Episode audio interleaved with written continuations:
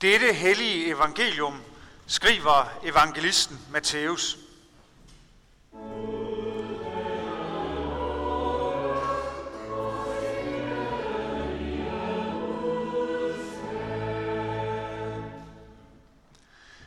Så blev Jesus af ånden ført ud i ørkenen for at friste af djævlen. Og da han havde fastet i 40 dage og 40 nætter, led han til sidst sult. Og fristeren kom og sagde til ham, hvis du er Guds søn, så sig at stenene her skal blive til brød. Men han svarede, der står skrevet, mennesket skal ikke leve af brød alene, men af hvert ord, der udgår af Guds mund. Da tog djævlen ham med til den hellige by, stillede ham på templets tinde og sagde til ham, hvis du er Guds søn, så styrt dig ned, for der står skrevet. Han vil give sine engle befaling, og de skal bære dig på hænder, så du ikke støder din fod på nogen sten. Jesus sagde til ham, der står også skrevet, du må ikke udæske Herren din Gud. Igen tog djævlen ham med sig, denne gang på et meget højt bjerg, og viste ham alle verdens riger og deres herlighed, og sagde til ham, alt dette vil jeg give dig, hvis du vil kaste dig ned og tilbede mig. Der svarede Jesus ham, vi bort, satan, for der står skrevet, du skal tilbede Herren din Gud og tjene ham alene. Der forlod djævlen ham og se, der kom engle og sørgede for ham. Amen.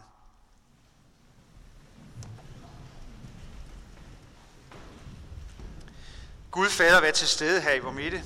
Jesus Kristus sender sin nåde. Gud Helligånd, oplys ordet for os. Amen. Fastetiden, den er begyndt. Vi er på den tid af året, hvor søndagens gudstjenester øh, har det fokus, at vi nu nærmer os påsken, og vi bevæger os frem mod fortællingen om Jesu lidelse og død. Fra i onsdags, som også kaldes Aske onsdag, der har man traditionelt indledt 40 dages faste frem mod påsken. Og således gør man det stadig i den katolske kirke. At faste, det kan man gøre på mange måder. Man kan gøre det jo helt fysisk ved at afholde sig fra noget. Øh, for eksempel afholde sig fra kød eller alkohol, eller man kan også på andre måder have fokus på den tid, vi er i. Man kan tale om kroppens faste når man afholder sig fra eller skærer ned på noget, man ellers godt kan lide og spise og drikke eller beskæftige sig med. Ved at gøre det, så minder man kroppen om, fysisk, om at afsavn og lidelse findes. Kroppen mindes derved også om fastetidens fokus på Jesu afsavn og lidelse, hans kamp for retfærdighed og kærlighed og sandhed, og hans vej til døden for vores skyld. Nu er det jo ikke sådan helt sammenligneligt. For eksempel at skære ned på kødforbruget, eller helt lade være med det, eller lade være med at drikke alkohol i festeperioden. Det er jo ikke rigtig afsavn, sådan rigtigt. Det er måske bare lidt træls, eller uhensigtsmæssigt, hvis man er til fest, eller den slags. Men uanset hvad, så kan det faktisk være en god hjælp til at indøve sig i at afholde sig for noget, man hænger ved. Det kunne også være andre ting end det, man spiser eller drikker. Det kunne også være at afholde sig fra at bruge sin smartphone hele tiden. Jeg snakker ikke specielt om dem, der sidder på bagerste række, men også jer. Det kunne også være at droppe Netflix. Det kunne være, at man skulle droppe den gode krimi og læse i sin bibel i stedet for.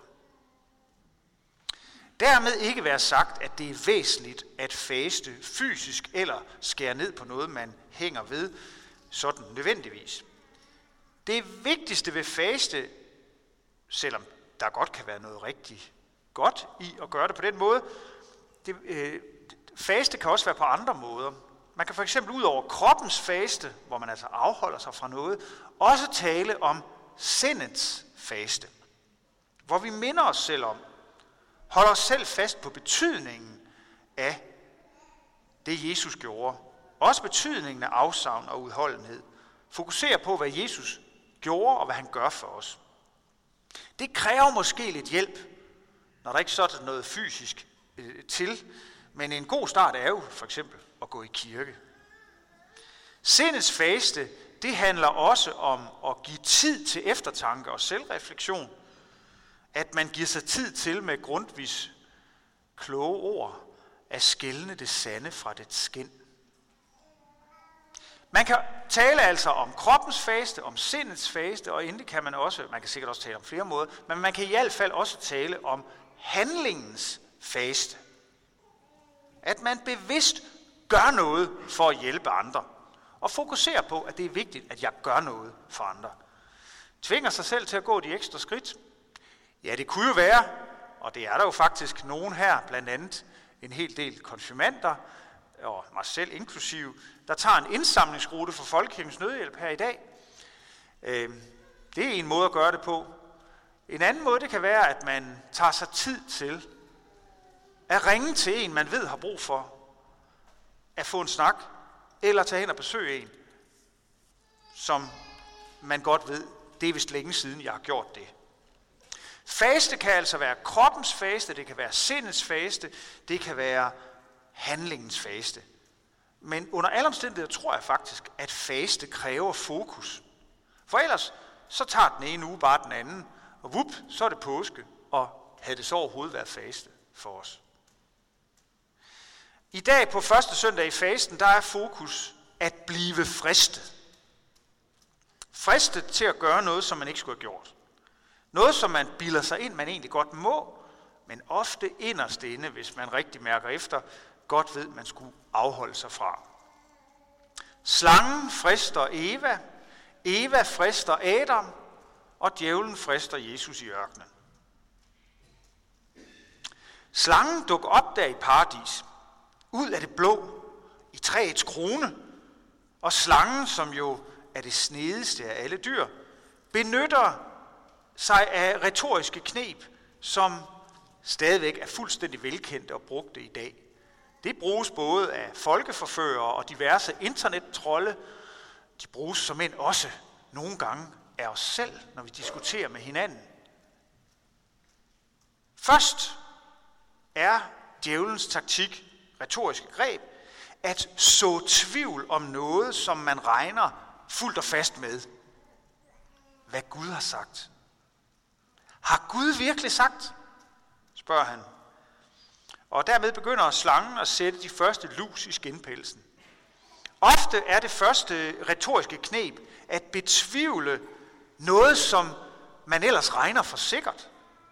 Noget, som vi da kan blive enige om. Sådan er det. Altså her, hvad Gud har sagt. Dernæst, efter at så tvivl, så skal man overdrive. Det er også velkendt. Gør noget langt værre, end det er. I må, er det virkelig sandt, at I ikke må spise af alle træerne i haven? Slangen forsøger at male et billede af Guds forbud mod at spise træet med den forbudne frugt, et træ i haven, til at være et altomfattende forbud. Og dermed jo tegne et billede af Gud som sådan en forbudsgud. Det kender vi i den grad også i dag, det retoriske greb. Det kan også være politikere, meningsdannere, der kappes om at male modstanderens synspunkt op til ukendelighed og ekstrem, så er det også meget nemmere at skyde ned bagefter. Da Eva afviser slangens første forsøg og fortæller, at jamen, vi må spise af alle frugter på alle træer, på nær det, der står i midten af haven, så skifter slangen taktik, og nu begynder han at så tvivl om Guds motiver. Det er slet ikke et, det er et forbud, øh, hvor Gud siger noget, der ikke passer, at I skal dø. I skal slet ikke dø. Men det er bare fordi Gud er bange for, at I bliver lige så kloge som ham, så I kan kende forskel på godt og ondt. Det slangen her gør, det er at miskreditere Gud, fortolke hans motiver helt skævt.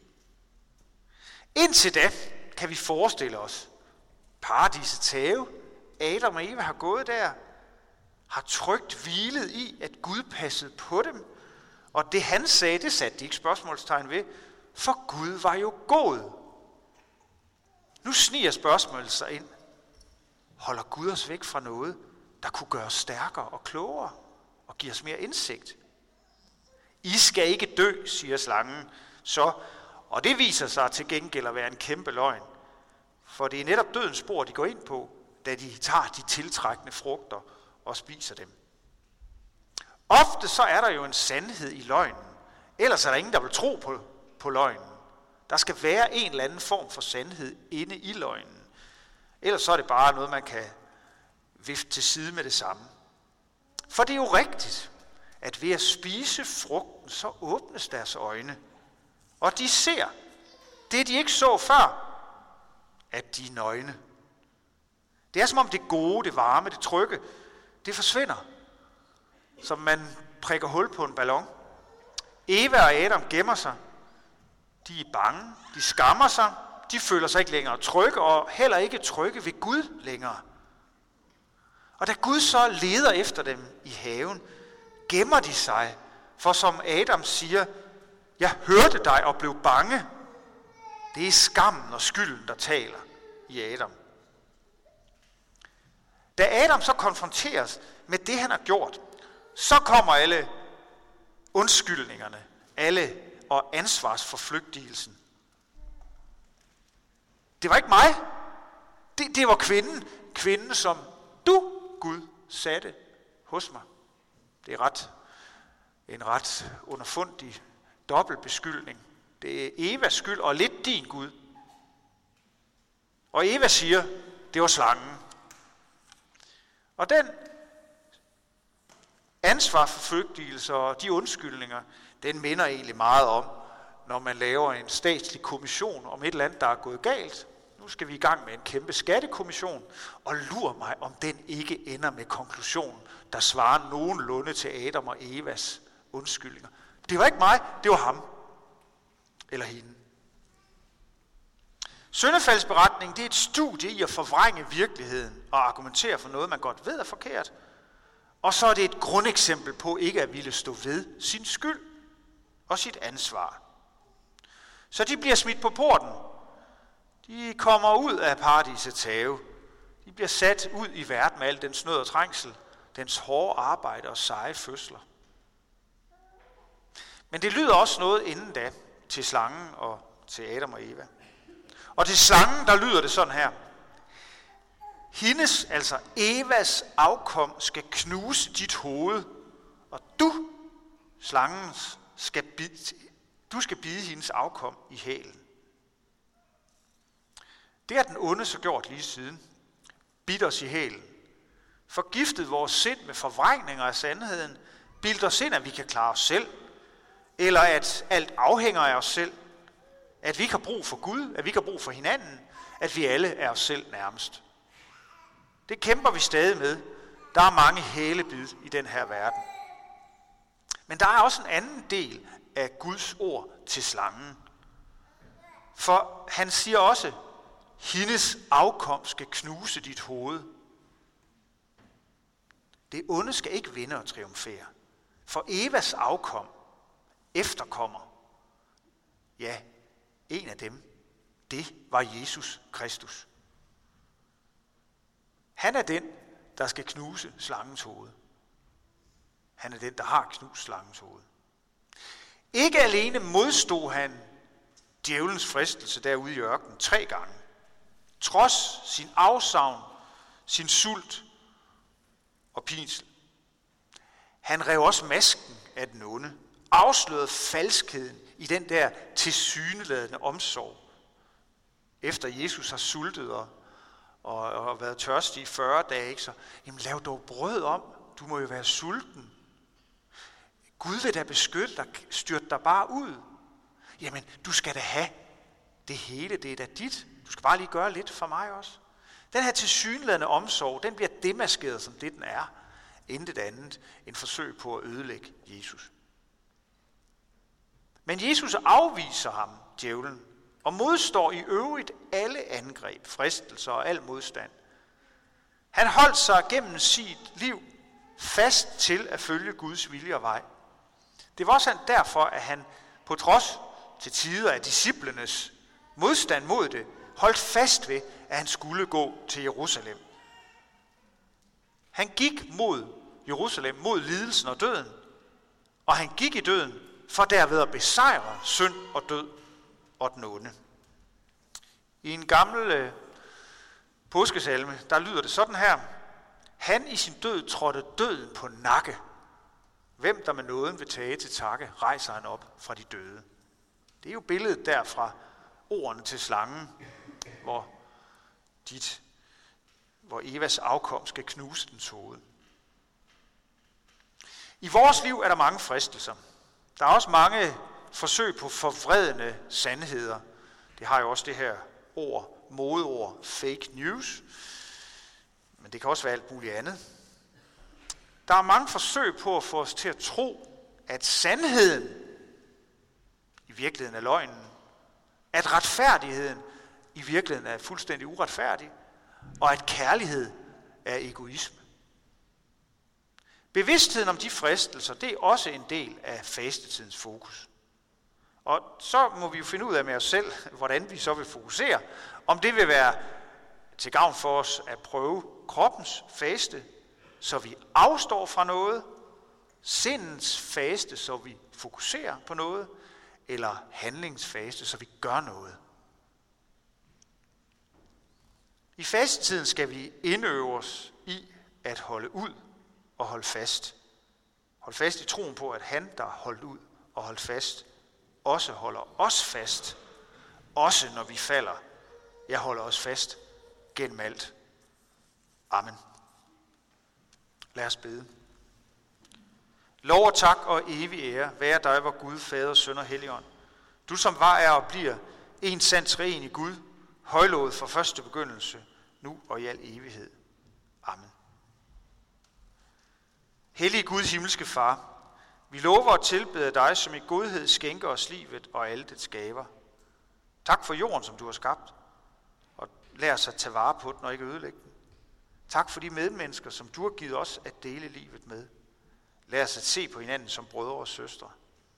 Vi takker dig for Jesus Kristus, som blev vores bror, som levede, led, døde og opstod for os. For Helligånden, som er midt i blandt os.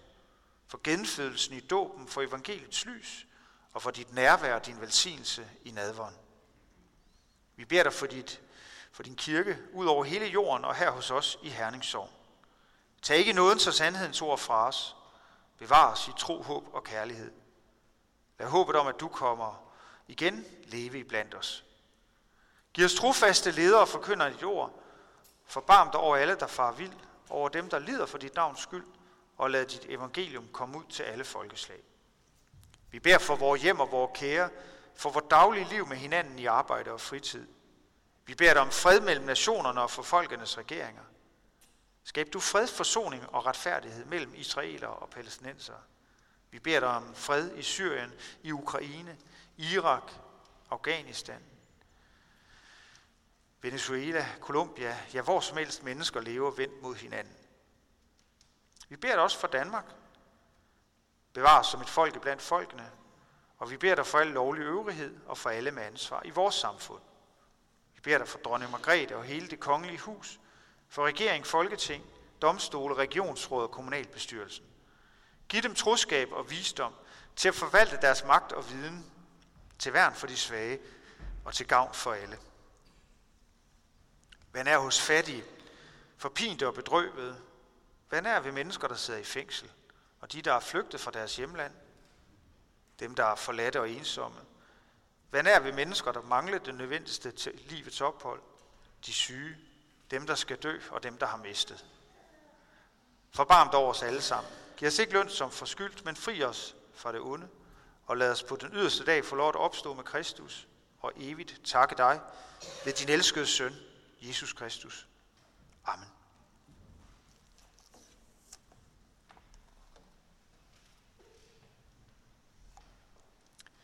På næste søndag, der er det så anden søndag i fasten, og der er der gudstjeneste i sakristiet kl. 8.30 og højmesse kl. 10. Og det er altså ved Paul Nygaard Christensen. Der står i kirkebladet, det er mig, men det er altså en fejl. Det er Paul. Jeg skal også sige, at øh, man i dag kan melde sig som indsamler, som sagt, det har jeg jo nævnt før, og det foregår altså over i Betania ved Nirmeli og Ville. Omkring næste uge, der er der dåbskludeklub, der samles i Betania i morgen 14.30 til 16.30. Der er årsfest med generalforsamling i Betania tirsdag den 12. kl. 19.30. Og onsdag, der er der i kirkecaféen 10-12, øh, der øh, kommer Janne Garder og fortæller om sin tid som leder af en pigekostskole i Sydindien. Og også på onsdag har vi så den anden aften af tre her i foråret. Øhm, efter styrtet, det er professor Peter Legard, der fortæller om, hvad der sker, når et menneske bliver drevet helt ud på kanten af sit liv. Det er en meget personlig og øh, stærk fortælling, han kommer med, som også taler om, hvad det betyder for troen på Gud og komme ud i nogle store vanskeligheder i sit liv på grund af alvorlig sygdom. Der er en entré på 50 kroner til efter styrtet på onsdag. Så mødes kirkens lejestue på fredag i Betania kl. 9.30.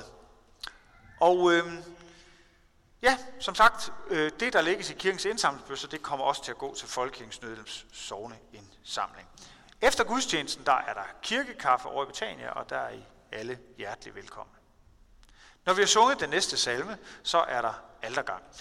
Det foregår på den måde, man tager bæret herover på bakken i prædikestolsiden, tager det med sig op, og når man går ned, sætter man det på bakken over i døbefondssiden. Alle indbydes til Herrens bord. Lad os rejse os.